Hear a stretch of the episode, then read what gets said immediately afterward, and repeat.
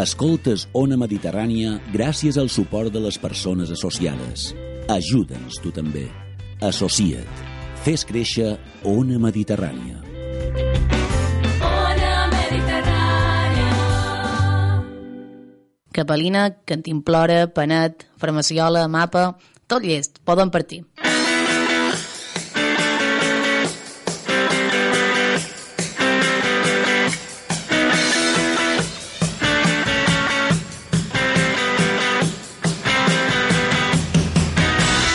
Aixopluc, el programa de muntanya i esports de natura d'Ona Mediterrània amb Marc Ferrà. Molt bon dia a tots i a totes i benvinguts una setmana més aquí a l'Aixopluc, el programa Dona Mediterrània on la muntanya i els esports de natura són els protagonistes. Avui precisament centrarem el programa en el sud de la Serra de Tramuntana. Començarem a la finca del Galatzó, que aquest cap de setmana tindrà lloc la K42, una de les curses de referència dintre el calendari balear de curses de muntanya. Parlarem amb una de les organitzadores que ens explicarà com avancen els preparatius i també alguns consells pels participants. Després ens mourem un poc més cap al sud, concretament a la finca de la Trapa, i amb una de les persones responsables de la gestió d'aquesta finca parlarem sobre com avança la recuperació i la restauració tant de les cases com de l'entorn natural després de l'incendi que hi va haver i també parlarem de les possibilitats que tenen aquesta finca, de les excursions i activitats que hi podem realitzar. I ja cap al final del programa parlarem amb un dels nostres especialistes, concretament amb Sion Oliver, amb ell eh, parlarem sobre acampar o fer vivar, que ens donarà eh, multitud de consells sobre aquestes activitats per poder-les realitzar correctament i, sobretot, important, per no passar fred. Per tant, feta la presentació, començam. Aixopluc, programa patrocinat per Kenya Interesport, la teva botiga d'esports. Quan l'esport és el més important, Kenya Interesport és sempre la millor opció. Tot el que necessiteu ho trobareu i, a més a més, una àmplia gamma d'equipació per l'esport de muntanya. Kenya Interesport, Avinguda Alexandre Rosselló 7 i a la web interesport.es.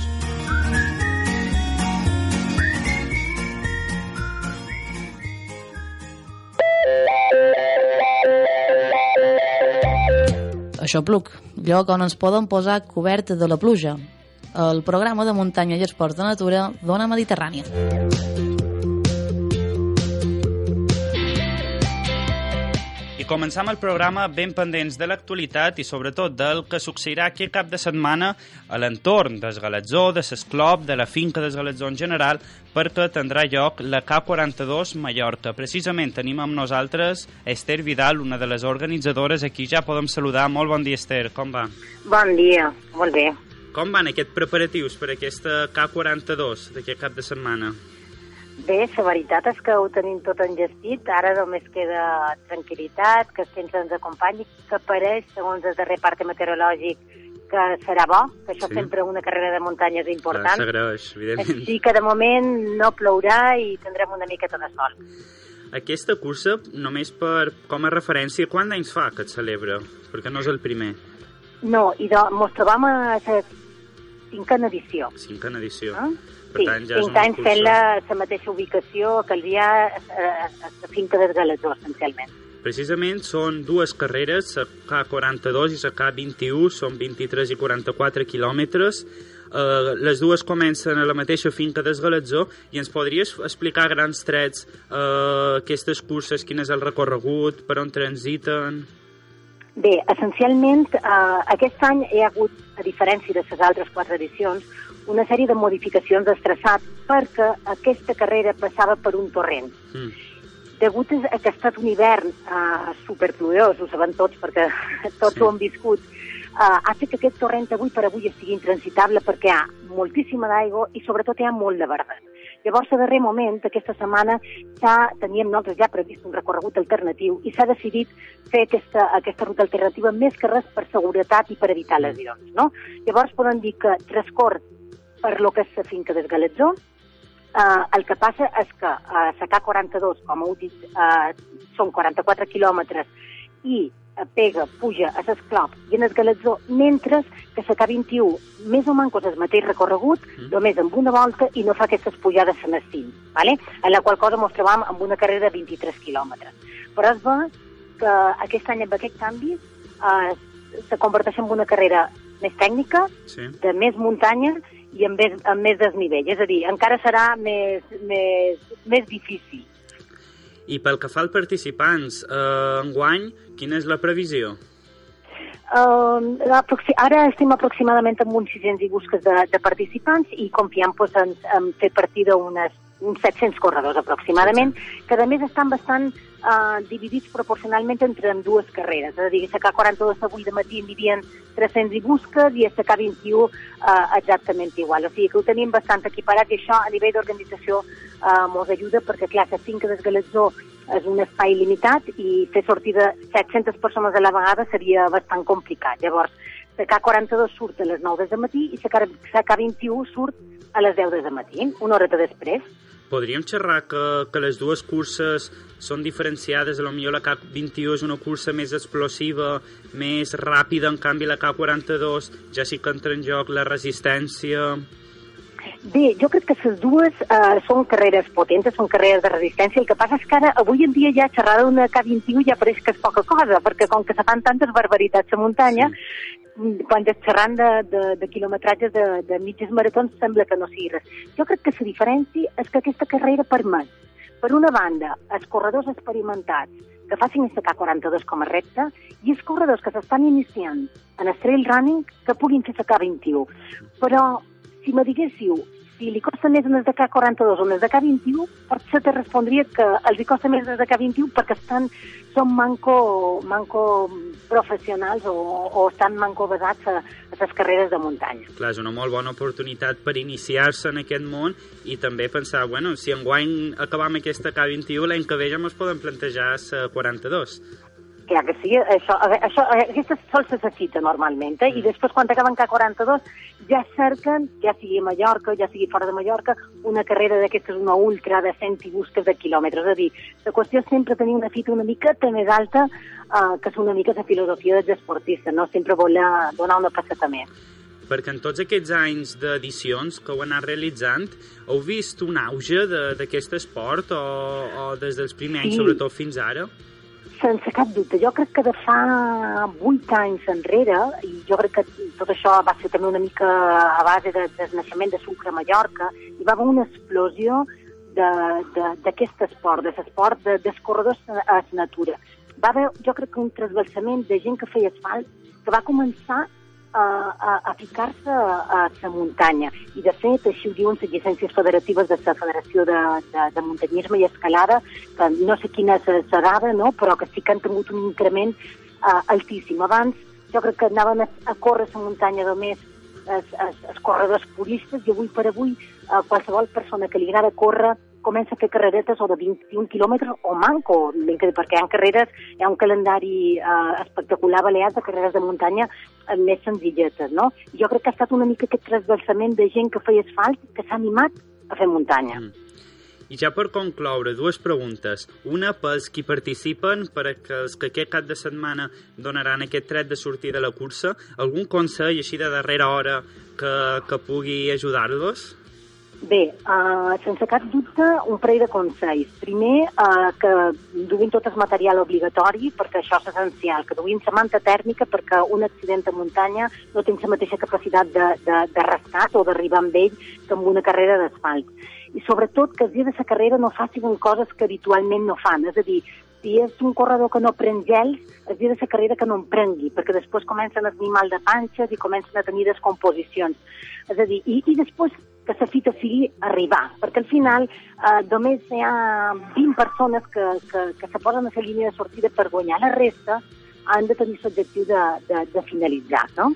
I d'aquestes persones que, que dius que es posen per guanyar a la línia de sortida, hi ha algun noms propis, masculins, femenins, a destacar en aquesta sí, sí, edició? sí, sí, jo crec que, que a nivell internacional destacaria en Casey Morgan i, i, i en Michelle Mailer, que, que són anglesos, i després també tenim en Manel Rullan, que també ve a córrer-la, en, en Jordi Gamito i en Alejandro Fraguela i en Miquel Capó, que com sempre és un fixo a les carreres de muntanya Miquel Capó de, de, de ja, Balears. ja n'ha participat a l'edició Sí. passada, si no vaig errat, o fa dues. Sí, sí, en Sí, Miquel sí. sempre està en el pòdium o, o molt a prop del pòdium. Bé, I enguany també d'una temporada que ve de, de guanyar diverses curses aquí a Mallorca, que sembla que, que, que està en plena forma. Sí, però el que passa és que es veu que no és la seva fita i ja m'ho ha dit. Me diu, Mm. Esther, vendré a córrer, però no venc a guanyar. Després no ho sé, perquè quan se, se posen les sabatilles de supostes, al final tots se tornen competitius. Però bueno, en principi la seva idea és venir a disfrutar de Miquel aquesta edició. Eh? Evidentment, i segur que és intenció de molta gent. I ja per concloure també, eh, segur que ens, ens, hi ha gent que ens escolta però que, que no ha estat a temps, que, que no ha arribat en bona forma, ja ha dit, millor no participaré o no m'apuntaré. A tota aquesta gent, de cara a l'any que ve, quin creus que, que són els consells que, que se'ls han de donar perquè puguin participar i preparar-se aquestes carreres ja més de llarga distància? I de fer-se una mica de planificació, eh, posar-se fites a llarg plaç i començar amb un entrenament eh, assenyat i en cura i no fer barbaritats eh, de dos, els dos darrers mesos eh, sobreentrenar-se perquè al final tot això acaba en lesions i, i acaba aturant en els esportistes, que és el que, lo que ningú desitja, no? Genial, moltíssimes gràcies, Esther Vidal, una de les organitzadores d'aquesta K42, que vagi Sí. beníssim aquest cap de setmana, molta sort i ànim, sobretot, a tots els Vale. participants. I... Jo volia de tota Sí. manera també, eh, ja abans de començar la carrera, donar les gràcies als voluntaris perquè estan moltes hores a la muntanya i després, evidentment, el suport que ens dona l'Ajuntament de Calvià, de l'Institut Calvina d'Esports i la immillorable ajuda de l'Agència de Turisme Balear que també ens ajuda a fer d'aquesta carrera un esdeveniment internacional de primer ordre. I doncs esperem que vagi beníssim, com qui diu, i que l'any que ve puguen seguir parlant d'aquesta cursa i que si hi ha gent que, que, que s'anima millor que millor, encara més. Per tant, eh, estarem ben pendents del que succeeix aquest cap de setmana a la finca del Galatzó i esperam poder-ne parlar també més endavant ja per valorar i per, per veure com ha anat tot. Perfecte, moltíssimes gràcies per, per tenir-nos en compte i per donar-nos cobertura.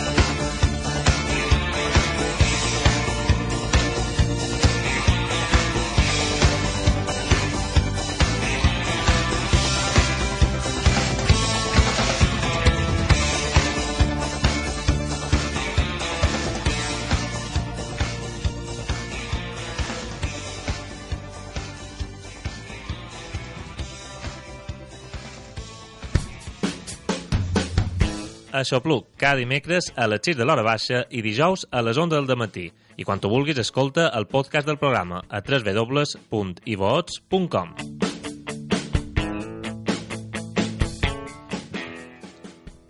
A partir d'aquest programa volem, durant diverses setmanes, anar parlant amb gent que, que treballa o que és responsable d'espais naturals d'aquí de Mallorca per conèixer el seu entorn, les activitats que es poden realitzar i avui precisament començam parlant de la trapa. Ho feim amb la responsable de socis i recursos del GOP i que és la coordinadora de les obres de restauració de les cases de la trapa. Parlam de Cecil Parra. Molt bon dia i gràcies per ser aquí a l'Aixopluc.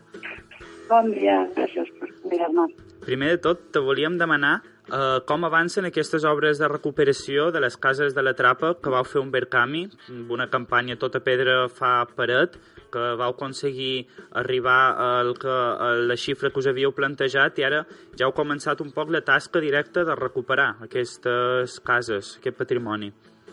Sí, sí, clar, des d'abril de, que vam començar a fer les obres i ja estan ben avançats, eh, hem començat, diguem hem restaurat ja la teulada dels fons, allà on hi havia un buc, que era la Païssa, que era un espai completament buit, ja hi ha una, un edifici amb, uh, bueno, edifici, una planta eh, una primera planta amb cuina i menjador i una segona planta que serà el dormitori pels voluntaris i després la capella que ja estem fent tot el tancament, o sigui que sí, estem molt contents i, mm. i satisfets amb l'evolució de les obres a les que li hem de donar la darrera estirada aquesta primavera. Tot això hem de recordar que que prové de, de l'incendi que va haver el 2013, que va danyar eh, important aquest patrimoni tota la biodiversitat de la zona i a partir d'allà sí que eh, heu fet una tasca de valent per anar recuperant tant les cases com també el seu entorn, reforestant i retornant-lo a l'espai que havia estat sempre.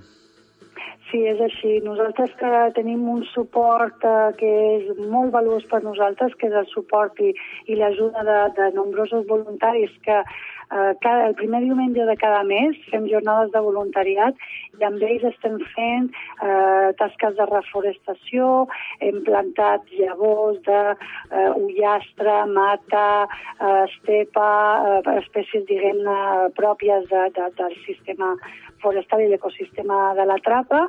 Eh, I bé, això ja, ja t'he dit, amb l'ajuda d'aquests voluntaris anem fent eh, jornada a jornada de recuperació, també recuperació de lo que és el patrimoni cultural, estem recuperant els marges també amb voluntaris i sembrant aromàtiques, instal·lant eh, i mantenint l'activitat activitat apícola a la finca, etc. O sigui, no, no aturem, però ja ah. t'he dit, tot això ho podem fer perquè tenim voluntaris, perquè nosaltres som una entitat no lucrativa i, evidentment, no tenim recursos ni personal per fer-ho tot, tot sols. Però els voluntaris i les voluntàries ens ajuden a tirar-ho endavant. Evidentment, la tasca per tornar a recuperar aquella zona tal qual era abans d'aquest incendi eh, durant molts anys i molta feina, però si haguessis un poc de valorar en quina, en quina fase us trobau, en quin percentatge de, de, de feina ja heu pogut realitzar, eh, o com ho definiries? Bé, jo definiria que estem recuperant un poc el que era l'estat inicial. O sigui, si la trapa ha estat eh, afectada per successius incendis eh, i que li han llevat la massa forestal, diguem-ne. Però abans d'aquests incendis la trapa era una finca agrícola. Mm. Eh?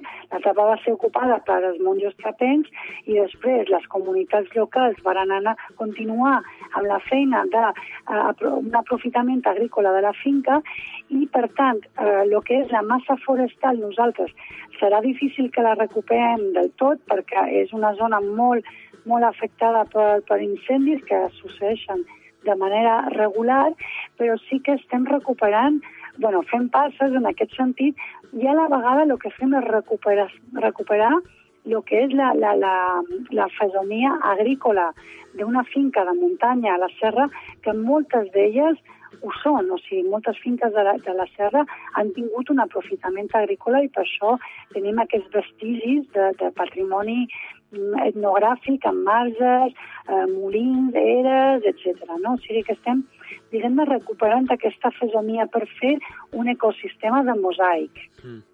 amb, amb major biodiversitat.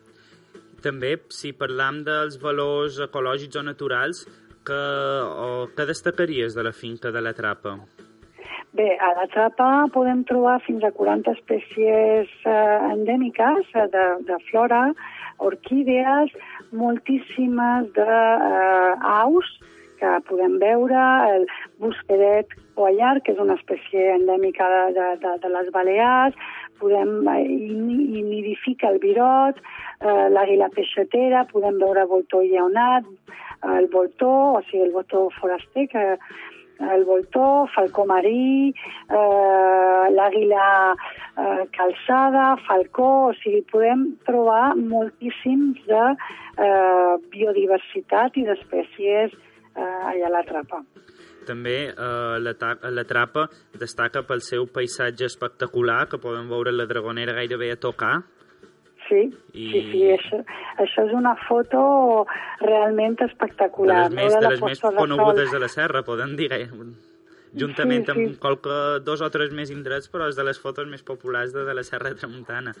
Exactament, exactament. La veritat és que és el que et deia, no? Veure la posta de sol a la Trapa, eh, que és la vessant molt més sud-oest, i, i veient la Dragonera realment és una imatge preciosa. També volien demanar pels diferents recorreguts senderistes o com la gent pot gaudir d'aquest espai.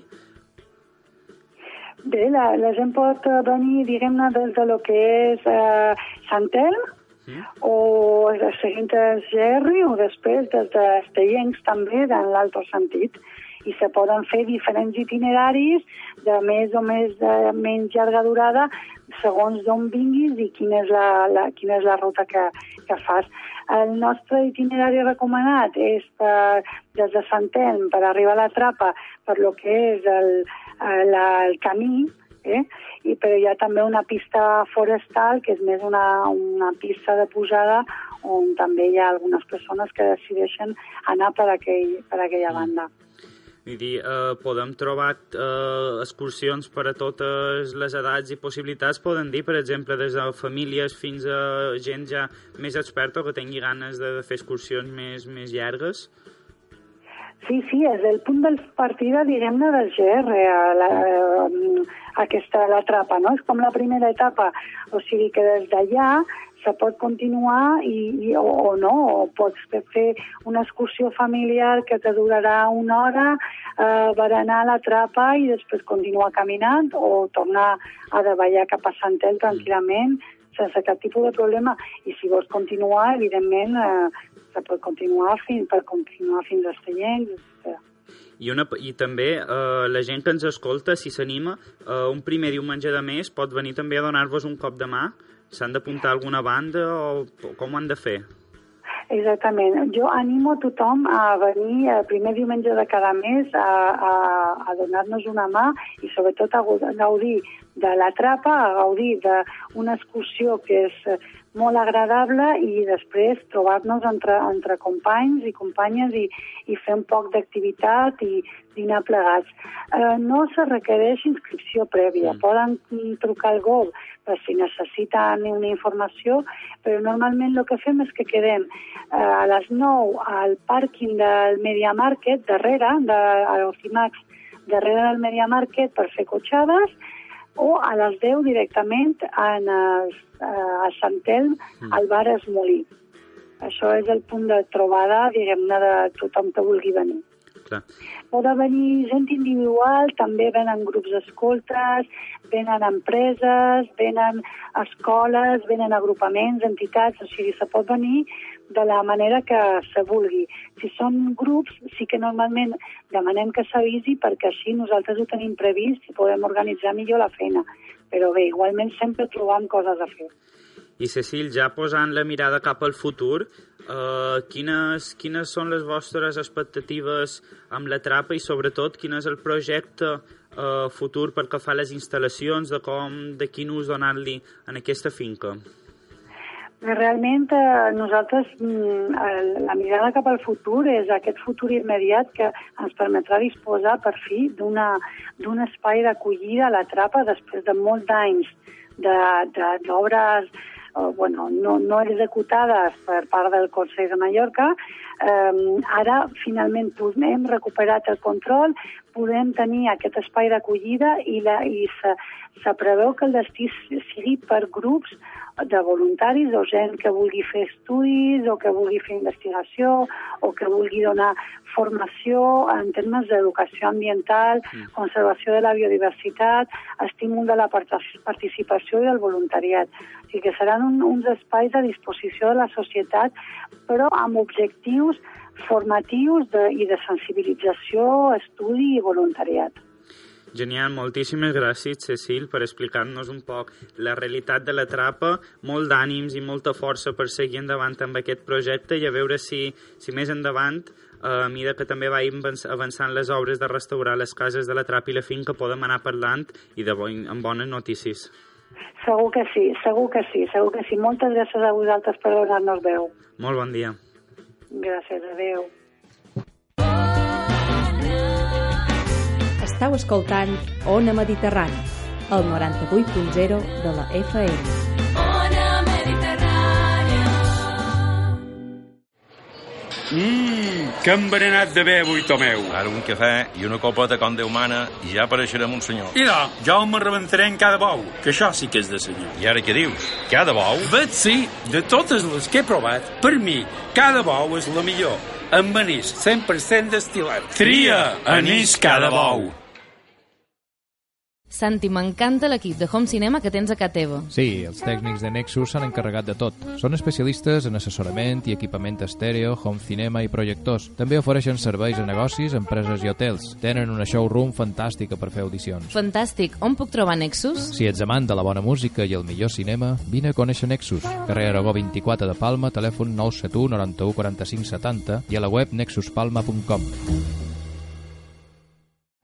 Vermut Montaner, el nou vermut de Mallorca, un vermut autèntic i elegant, elaborat amb prensal blanc i una maceració de 12 herbes aromàtiques mediterrànies. Vermut Montaner blanc i negre, indistintament per a cada moment i lloc. El vermut Montaner negre sorprèn mesclant-se en ginger ale. Vermut Montaner, el vermut elegant de Mallorca. Fluixar de Lluís Torres Advocats. Professionals especialitzats per donar servei a totes les àrees del dret. Un ampli equip que ofereix assessorament i solucions en tots els àmbits jurídics. Fluixar de Lluís Torres Advocats. Serveis jurídics integrals. Telèfon 871 910 436 871 910 436 Des de Fórmula Ona hem fet possible Ona Musicat.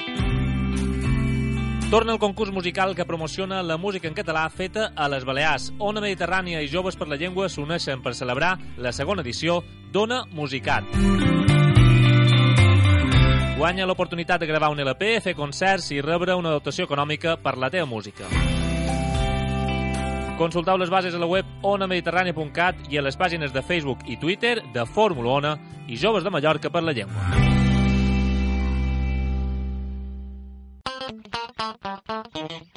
EcoStore. Necessites consumibles, cartutxos i toners per impressora i que siguin de la millor qualitat? Cerques els millors preus i entrega gratuïta? Ho tens fàcil. EcoStore a Avinguda Comte Sallent 29 i també al carrer Aragó 6 de Palma. Telèfon 971 72 82 76. La teva tenda taronja, cartutxos i toners. EcoStore. Lliurament gratuït a domicili. Música, cinema, filosofia, ciència, educació, efemèrides, entrevistes, patrimoni, cultura popular... Tot això i més a El Crepuscle encén estels, cada dia de 9 a 10 del vespre, aquí, a Ona Mediterrània.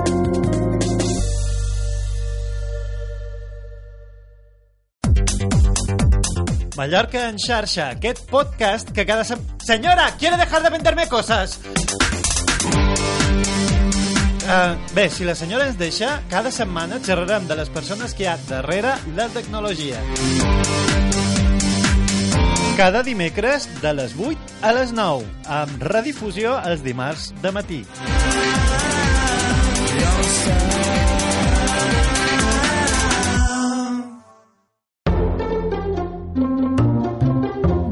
Divendres a les 7 del vespre, Ona Perifèries, el programa de les veus oblidades d'Ona Mediterrània.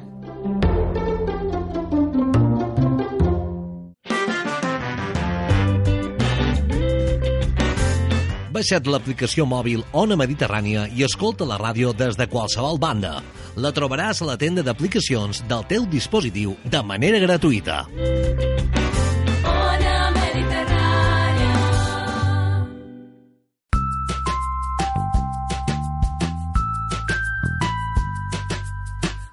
Moment ara, com sempre, de fer un repàs al vocabulari típic de la muntanya. Avui, eh, les paraules que comencen per H i per I. Hivernal, escalada, expedició o ascensió que es realitza durant la temporada d'hivern. Humitat, qualitat d'allò que és humit. Integral, recorregut complet d'una aresta, cresta, circ, massís o circuit d'alta muntanya que recorre els punts més alts circundants. Interpèria, està sense recer, a cel descobert. Intricat, intricada. Emboiat, complicat.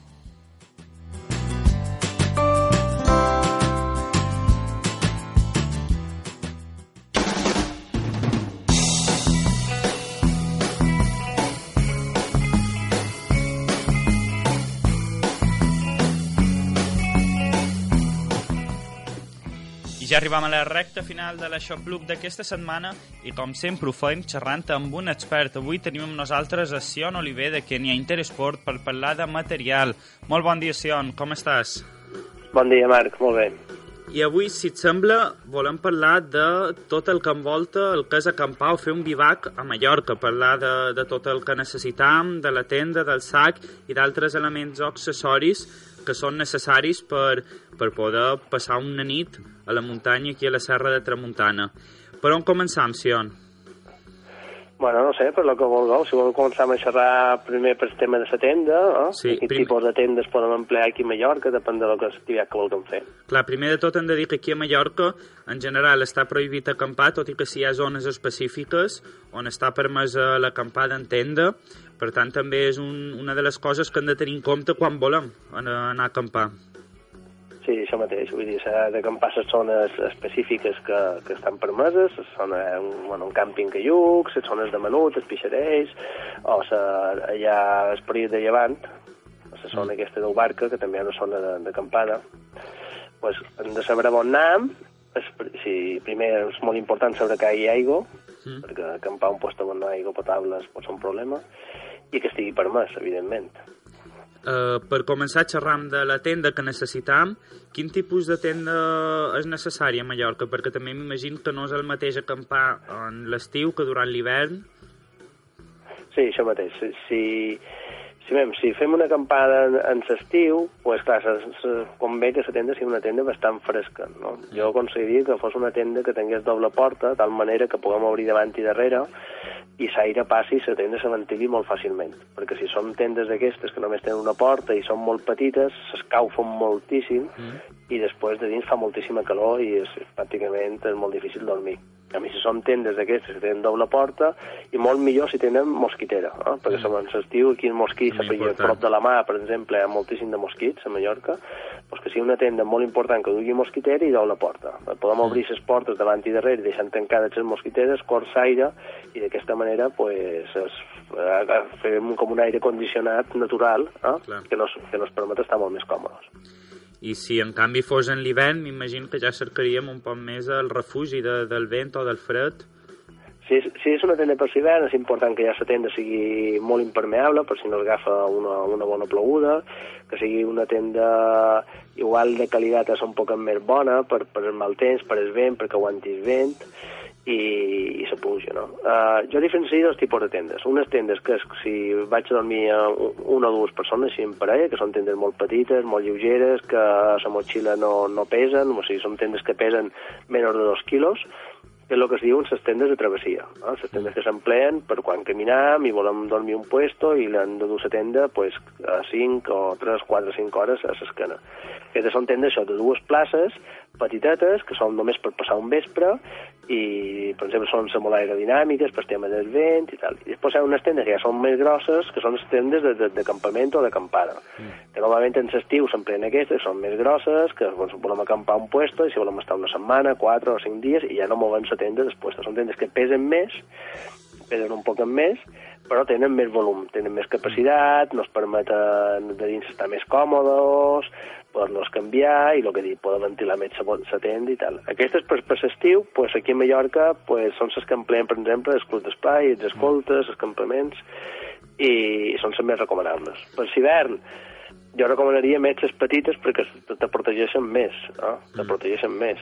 Però bueno, això també depèn de la quantitat de gent que anem, perquè si en hivern volem anar a acampar menut o un puesto així i, i, so, i som quatre o cinc persones i tots volem dormir a la mateixa tenda, pues, pues haurem d'agafar una tenda d'acampada, el que passa que amb unes qualitats un poc superiors a la de l'estiu.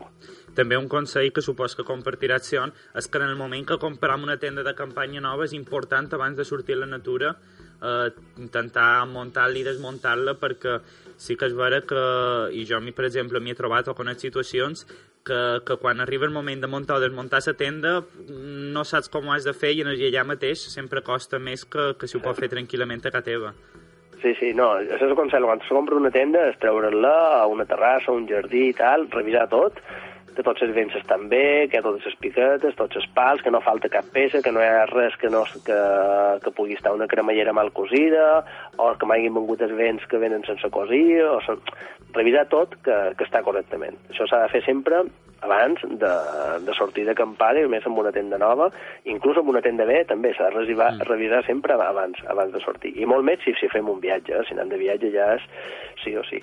I després, les tendes s'han d'aprendre a muntar. Mm. S'han d'aprendre a muntar, perquè cada vegada s'empleen menys les tendes, perquè la gent cada vegada dorm més a refugis, i les tendes se van deixant d'emplear, i cada vegada hi ha menys gent que sap muntar una tenda. Clar, perquè antigament, quan s'anava molt en tenda, doncs s'aprenia una cosa que s'aprenia de pares a fills, o del club d'esplai i d'unes altres. Com cada vegada s'emplea menys la tenda, hi ha molta gent que no, que, que no coneix com se munta una tenda, i això és important. Eh? És important saber muntar una tenda, com s'ha de muntar, els passos que s'han de seguir, perquè moltes vegades hi ha problemes de que la gent li ha entrat aigua a una tenda, se li ha desmuntat, i simplement perquè no l'ha muntada correctament. I una tenda s'ha de saber uh, com se munta, inclús l'orientació de la tenda. Si, si orientes la tenda cap a la vessant on ve l'aigua, doncs t'entrarà tota per la porta i si l'has col·locada de cul i la porta l'has col·locada al revés, doncs per darrere tenda està tancada i l'aigua no, no t'entrarà de dins. Vull dir, ara hem de saber on, a on muntar la tenda, en quina orientació la muntam, i, i com se munta una tenda, que això, això és molt important. I si una vegada que ja tenim tenda triada, diguéssim, eh, més elements que necessitam per anar d'acampada és un sac i una esterilla, dos elements també imprescindibles eh, en el moment que, que sortim a passar sí. un vespre fora.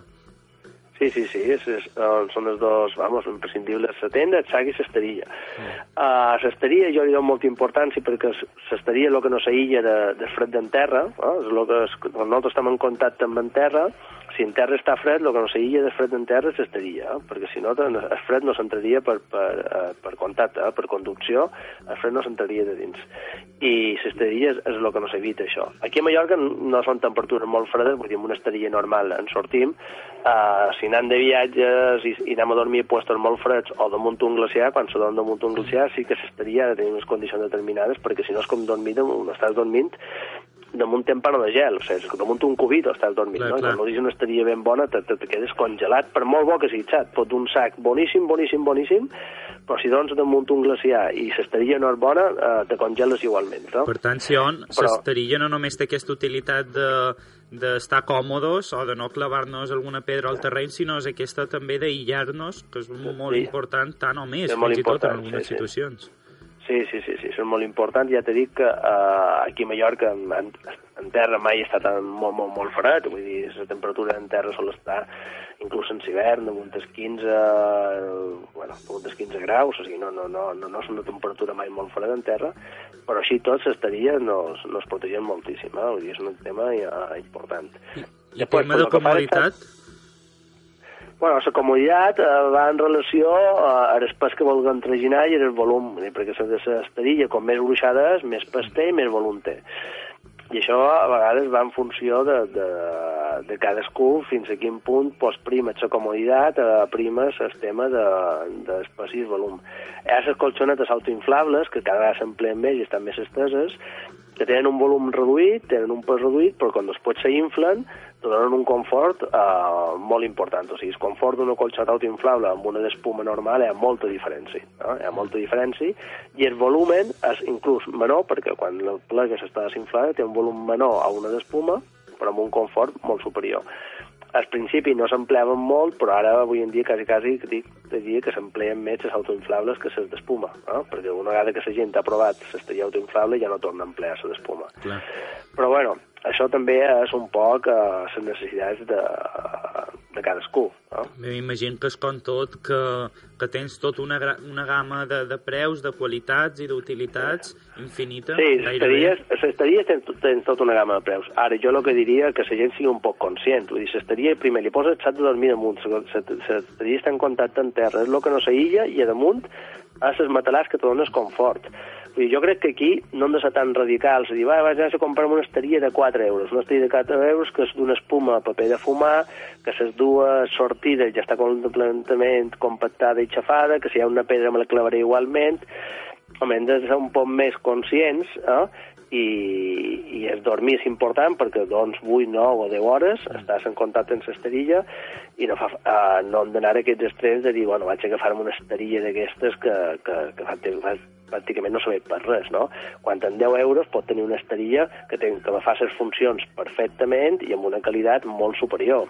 Vull dir, tampoc no falta que no gastem barbaritats, però sí que hi ha un mínims de qualitat que crec que l'hora de dormir són importants. Saps? L'hora de dormir jo crec, i més en nins, eh? i en nins encara molt més, perquè un nin que se'n va de campament i no dorm en tot el vespre, l'endemà de matí està super cansat, està fet pols, i si l'endemà de matí ha de fer una excursió que físicament li requereix uh, un esforç i en tot el vespre no ha dormit, aquell nin l'endemà pues, pot tenir problemes, pot tenir problemes perquè es pot marejar, pot tenir problemes de, de cansament, tal, que li ha provocat el dormir malament. Vull dir, que això ho hem de pensar, eh? vull dir que els nins no, igual no se te queixaran, no diran res, però que són tan sensibles com nosaltres al tema del dormir i, i que necessiten descansar igual o més que nosaltres. No, evidentment, sí que és vera que, o, per exemple, quan estàs fent una, una travessa o diversos dies d'excursió, el moment de dormir és important poder descansar el màxim possible perquè si no vas, vas carregant no només tot el material, sinó també aquest esgotament de, de no poder dormir bé o de passar fred. Sí, sí, sí, això, això mateix, això mateix. Això, doncs, doncs fer una activitat uh, en garanties, no? I, mm. i, I si estàs de viatge i no dorm bé, pues, l'únic que fas és tot aquell viatge que havies de gaudir, pues, uh, se, se te'n va baix el viatge, no? I igual se te'n va baix el viatge perquè has duit un, una esterilla que no toca o un sac de dormir que no toca. Jo en la gent, en el sac de dormir, li dic, mira, sac de dormir quan aneu a triar un sac de dormir, no mireu mai la temperatura mitja, perquè la temperatura mitja per dormir no serveix de res. No te serveix de res que tu al vespre estiguis a 0 graus i de dia estiguis a 20 i la mitja sigui 10 graus. Perquè la temperatura, quan tu dorms, és la mínima que has de mirar. Mm. Graus seran entre les 5 i les 6 de la matinada, que és quan tu estàs dormint. La temperatura mitja amb un sac de dormir no, no, no, no serveix per res, o sigui, has de mirar la temperatura mínima d'aquell lloc i l'època de l'any que hi vas o que estàs. I després, quan mires la temperatura del sac, que és una altra cosa que la gent se confon molt, tots els sacs de dormir ha una normativa europea, això fa uns anys cada fabricant podia posar les temperatures que volia i cada jo deia, hi havia un fabricant que deia eh, aquest sac aguanta menys 20 i l'altre, però no havia cap norma estàndard que regulés eh, això per tots els fabricants per igual. I després va fer una normativa europea, que hi ha una norma europea homologada, que tots els fabricants bas les temperatures segons unes proves que marca la Unió Europea. I ara eh, tots els sacs posen tres temperatures. Una te posa es temperatura de confort per homes, salta temperatura de confort per dones i temperatura extrema. Val? La temperatura de confort de, amb home no vol dir que aquell sac, la seva temperatura ideal sigui aquella. O sigui, si un sac, per exemple, no es posa temperatura de confort 5 graus, no vol dir que si ten 10 graus me moriré de calor i si fa 15 graus me moriré de calor. No, no. Vol dir que un home fins a 5 graus pot dormir sense passar fred. Fins a 5 graus. I de 5 amb la sensació de fred ja no li deixarà dormir. Mm. Vale, o sigui que aquell sac que posa temperatura confort 5 graus, a 10 graus estàs perfecte, i a 15 estàs perfecte. Mm. No? Ara, quan baixis de 5, igual la temperatura confort no te deixa dormir. Després, la següent temperatura és en dona. Pues, igual te diu que amb una dona, les de 5 graus són 8, perquè les dones totes són més fredes que els homes per un tema de, de, de metabolisme basal. O sigui, la dona té un metabolisme basal diferent del d'home, el que fa que quan dorm té més fred que un home. Això és un tema genètic que és així. Pues, igual te diu, una dona a la temperatura confort és 8 graus, exactament igual. Si, si baixes de 8 graus, aquest, eh, lo normal és que aquesta dona ja no pugui dormir no pugui dormir per causa del fred. Clar. I després te posa temperatura extrema. Igual te diu, temperatura extrema, menys 15 graus o menys 13 graus. Aquesta no s'ha de mirar mai. Perquè la temperatura extrema vol dir que fins a aquella temperatura no te mors. Clar. Però això no serveix de res, perquè que no me mori, vull dir, o que no tingui hipotèrmia, no, no, no, o sigui, nosaltres hem de mirar la temperatura de confort, si som i dona, i sembla que la temperatura de confort ha de coincidir amb la temperatura mínima de allà on anem. Allà on, o sigui, si aquí a Mallorca, en més de gener, a Lluc, la temperatura mínima és 3 graus, he de cercar un sac que de confort sigui 3 graus. De confort, no extrema. I aquí a Mallorca, Ah. més o manco, quin, si haguéssim de comprar un sac que ens pogués servir tant per hivern com per estiu, quina temperatura confort recomanaries? Aquests 3 graus, aproximadament? Aquí a Mallorca, un, un, un sac per emplear en hivern fent vivac, eh? Mm. estan xerrant de, de fent vivac, no entendre de campanya, Uh, també depèn de la persona, que hi ha gent que és més calorosa, que altres i tal. Jo crec que lo recomanava és un sac entre 5 i 0 graus de confort. Sí. Entre 5 i 0. Igual, si agafa un sac de 5, hi ha algun dia l'any, que és quan peguen aquestes nevades, els dies aquest de gener o final de desembre, algun dia, depèn de l'any, saps que sempre tenim unes setmanes de fred polar, que fa més fred, pues, si hem agafat un sac de 5 graus, igual hi ha pues, un dia a l'any que, bueno, que aquest sac no es queda just i que normalment que no es quedem a casa. No? Clar. Són uns dies comptats a l'any. Uh, si agafam un sac de 0 graus, pues, igual uh, podem estirar un poc més uh, això. També depèn de com dormis, perquè, clar, si tu uh, te'n vas a, a, a, aquest, a, a aquests dies que fa tant de fred o que, que, que estem a 0 graus i te fiques dins el sac de dormir i, al, i al vespre has sopat de fred, o sigui, no has sopat de menjar calent, eh? has menjat un, un, un sopar fred, ja te fiques en sac de dormir amb sensació de fred o amb hipotèrmia perquè ja tens fred, molt difícilment es faràs el sac i molt difícilment dormiràs bé. En canvi, en el mateix sac, si te fiques dins el sac de dormir, que no tens hipotèrmia, vull dir que estàs calent, eh? perquè t'has mogut, tal, rifes, te fiques de dormir. Sopes quan ja estàs dins el sac de dormir, i sopes de calent, o sigui, si tu te fiques dins un sac de dormir, tanques, estàs calent i te prens un consomé o te prens un, un te, una beguda calenta, tot, tot aquest calor que tu generes se, se transfereix al xat de dormir, aquesta escalfor el guarda al xat de dormir i, i fa que puguis dormir bé. Saps? Clar. Totes aquestes coses són superimportants. Vull dir, saber uh, alimentar-te bé, també, si estàs deshidratat, tens molta més fred que si no estàs deshidratat. Uh, canviar-te la roba, vull dir, si tu vas a dormir i estàs suat i te fiques dins de dormir en la roba suada, doncs aquesta roba se refreda i el suor aquest te fa perdre molta temperatura també. Vull dir, saber com, com, com has d'afrontar un vespre de fred és molt important. I si te canvies de roba i te poses roba xuta, te canvies, dic a la gent, és importantíssim canviar els calcetins. Mai ficar-se a dormir en una situació de fred en els mateixos calcetins que has estat caminant. I Això sí. és una barbaritat, perquè els peus, els després són més fred perds, no? Saps que el cap, les mans i els peus es proven més fred se, perd, no? I... El cap se perd el 50% d'escalor, quan doncs. 50% d'escalor se perd pel cap. Però només simple el fet que te posis a dormir, te posis un gorro de forro polar, ja fa que aquella temperatura del sac sigui eficient o no sigui eficient. I si on, Aquests detalls dubte? fan que un vespre pugui saltar i dir, "Oi, aquest tio d'un mateix sac que jo ja ha dormit que te cagues, i jo en canvi no he pegat ui en tot el vespre. Bueno, perquè aquell igual s'ha canviat els calcetins, s'ha posat un gorro, s'ha pres un te quan ja estava dins el sac, no estava de- deshidratat, i tu t'has ficat en la roba banyada, no t'has canviat els calcetins, no t'has posat gorro, i t'has ficat dins el sac ja en sensació de fred i no t'has pres res calent. I si hi ha un dubte o, o un mite, que no sé si és cert o no, eh, amb la roba que tu puguis dormir, per exemple, si dius, ostres, tenc un sac de temperatura confort 8, estem a 5 graus, però és que m'hi fico amb un calçons gruixats, dos calcetins, un polar, un gorro dins aquest sac, eh, eh, eh, dormirem bé o, o no depèn tant de, de, de la roba que vestim directament? No, mem, aquí hi ha un fallo, un, o una errada que fa molta gent, que sobretot en el sac de ploma, en el sac de ploma has de dormir amb molt poca roba. O sigui, si tu tens un sac de ploma i com més bo sigui el sac de ploma, això s'accentua encara més, si me fico a dormir amb un calçons, amb un vaqueros, amb un calçon de trekking, una camiseta interior, un forro polar, vamos, petat de roba dins el sac, el sac de ploma que és tan bo que tenc, uh, les seves funcions les he, la, les he inhabilitades. Mm. Val? Perquè el sac de ploma el que fa, i el sac sintètic també, però de ploma com més bons, més, més, més s'accentua, és que tu, en la teva escalfor corporal, que tu, la nostra temperatura, saps que està en, en 37 graus, la temperatura nostra, del nostre cos, mm. doncs en l'escalfor corporal teva escaufes l'aire que hi ha dins la ploma. O sigui, l'aire del sac de ploma l'escaufes tu. O sigui, tu regules el sac.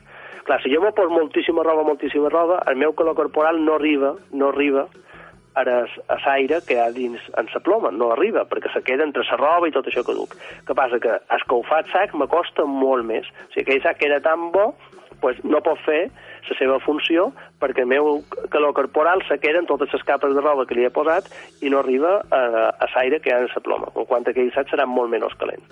Jo el que aconsello a la gent és que poden dormir en roba tèrmica, o sigui, seria un pijama però de roba tèrmica, o sigui, amb, una muda interior de roba tèrmica, això va molt bé, però una muda, o sigui, simplement... I si fas molt de fred, la muda de roba tèrmica te la canvies. Abans de dormir, te canvies, te poses un leotardos tèrmic i una camiseta tèrmica, te canvies els calcetins i te poses el gorrito. Res més. Res més. I si on ja I com més bo a el sac, això més eficientes. Com més roba te posis, estàs empitjorant el sac. Si on ja per concloure un poc tota aquesta equipació que, que necessitam, en el cas de que no dormíssim en tenda de campanya i ho féssim en bivac, eh, tot, tot el tema de, de fundes, de sac de dormir, què ens recomanaries? Bueno, si és per Mallorca, si és per Mallorca, aquí la funda de bivac és necessari per tema de la robada. Tu saps que a Mallorca hi ha molta humitat, eh, sobretot hi ha dies, si estàs a prop de la mar encara més. Clar, si no dus funda de bivac, el, el sac queda xop, ¿vale? queda xop. I la funda bivac no s'evita eh, aquesta humitat de la robada. I, i també la funda bivac eh, nos protegeix molt del vent, de la sensació del fred del vent i això. Per això jo crec que és necessari dur, dur la, fin, funda de, de bivac. Ara, uh, jo també li dic a la gent, la funda bivac, si està paient una pluja d'aquestes de, de pinyol vermell que està fent llans, trons i prou de veres, ningú se queda en la funda bivac a veure què passa, t'aixeques i te'n vas. O sigui, amb una funda de bivac no és per aguantar una tempesta allà jo m'he dins la funda i no. La funda és per aguantar una robada, per aguantar una brusca fina, per si me cauen quatre gotes a la primera hora des de matí abans d'aixecar-me, però si està caiguent a la Sant Quintín, o cerques una bauma protegida de veres, o cerques una cola, o, o, o, o t'has fet amb un tol, o t'has fet un, un refugi ben fet, com aquests que, que se sap fer en Miquel, o si no t'aixeques i te'n vas. Que tot això no s'ha passat a tots, eh? Està sí. fent un bivac allà a l'Espa de Figues de Son Torrella, començar a fer llans, trons i ploure a tope, i m'he aixecat i m'he anat cap a Lluc. Vull dir, no m'he quedat allà esperant a què passava. Vull dir que al final tots tot aquests elements ens poden ajudar, però en un moment donat, eh, per, molt, per molt material i per molta qualitat que pugui ser, sí que és important saber que, que fins aquí hem arribat i que claro. important... Sí, Has de saber el material que dus fins al límit que tens. Evidentment, si tu tens una tenda de campanya i tens una tenda de campanya bona, igual sí, que estàs acampat a un puesto que fa una tempesta terrible, que jo m'ha passat, i dins la tenda de campanya pues no passa res, perquè és una tenda de campanya d'aquestes de mitja muntanya, petites, que són molt impermeables, està ben muntada, ben tensada, i no passa res, si t'aguanta tot el vespre. Això, amb una funda de llibac, eh, has de saber que no estàs en una tenda, que estàs més desprotegit, saps? En una tenda de campanya tens un nivell de protecció que amb una funda de vivac no tens. No tens. Mm. Normalment, amb una funda de vivac, la motxilla l'has deixada de fora. Uh, les botes, jo aconsello, si una persona se compra una d'hivac, que el peu sigui molt ample perquè les botes te la puguis ficar dins la d'hivac, perquè si deixes les botes de fora, només en la robada, l'endemà matí quan te posis les botes estaran xopes. Clar. Que és una cosa que no hi penses, eh? Se fotes a funda d'hivac i deixes les botes de fora. L'endemà de matí, fica el peu dins les botes i estan totalment humides. I llavors tot el dia amb els peus banyats. Vull dir, aquests petits detalls ha que aprendre-los. I la funda d'hivac ha de ser ample perquè t'hi càpiguen les botes, t'hi càpiga la roba de recanvi, tot això t'ha d'estar dins la funda d'hivac, perquè si no l'endemà de matí te queda xop. Sa, igual la motxilla no t'hi cap, però bueno, pues deixes la motxilla de fora. Però clar, si comença a ploure de veres i tens la motxilla de fora i, i la funda, tu estàs sense funda, de... Mem, eh, tot té un límit, tu has de saber el material que té, que dus, el límit que té. I tu si ets conscient de té un material, el límit que té, pues ja està, pues actues en conseqüència. I si on ens queden ja pocs minutets, te volíem demanar, a banda d'aquests tres elements centrals importants, algun consell més, algun detall més a l'hora de quan sortim a acampar o fem vivac? Bueno, jo crec que quan sortim a fer un viatge aquí a Mallorca és molt important conèixer la Saïlla, conèixer la serra, i a la serra hi ha puestos meravellosos on pots fer vivac i que són molt protegits, perquè hi ha moltes baumes, no? Saps que tenim la roca calissa, el, el fenomen càstic, que dona moltes coves i moltes baumes, hi ha molt de puestos que que pot dormir ben protegit, eh, davall una bauma sense tenir que passar pena, i, bueno, te pots fer net després on vas a dormir, mirar abans de, de posar l'esterilla i tal, que no hi hagi vidres, que no hi hagi ferros, que no hi hagi pedres que no es puguin molestar. Val més perdre temps mitja horeta abans preparant bé el vivac, o sigui, fent netes en terra, si has de posar fulles seques damunt i posar fulles seques, perdre aquesta mitja hora preparant bé el post on dormirem, perquè després estaràs 8 hores dormint i ho agrairàs. Genial, moltíssimes gràcies, Sion, per tots aquests consells. Moltes gràcies a vosaltres. Fins Molt- la pròxima. Que vagi molt bé i molt bon dia. Bon dia, Marc.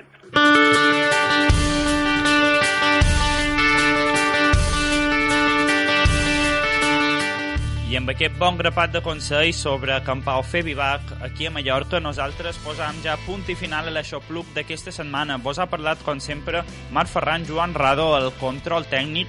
Nosaltres tornem la setmana que ve amb més esports de natura i molta més muntanya. Que vagi bé!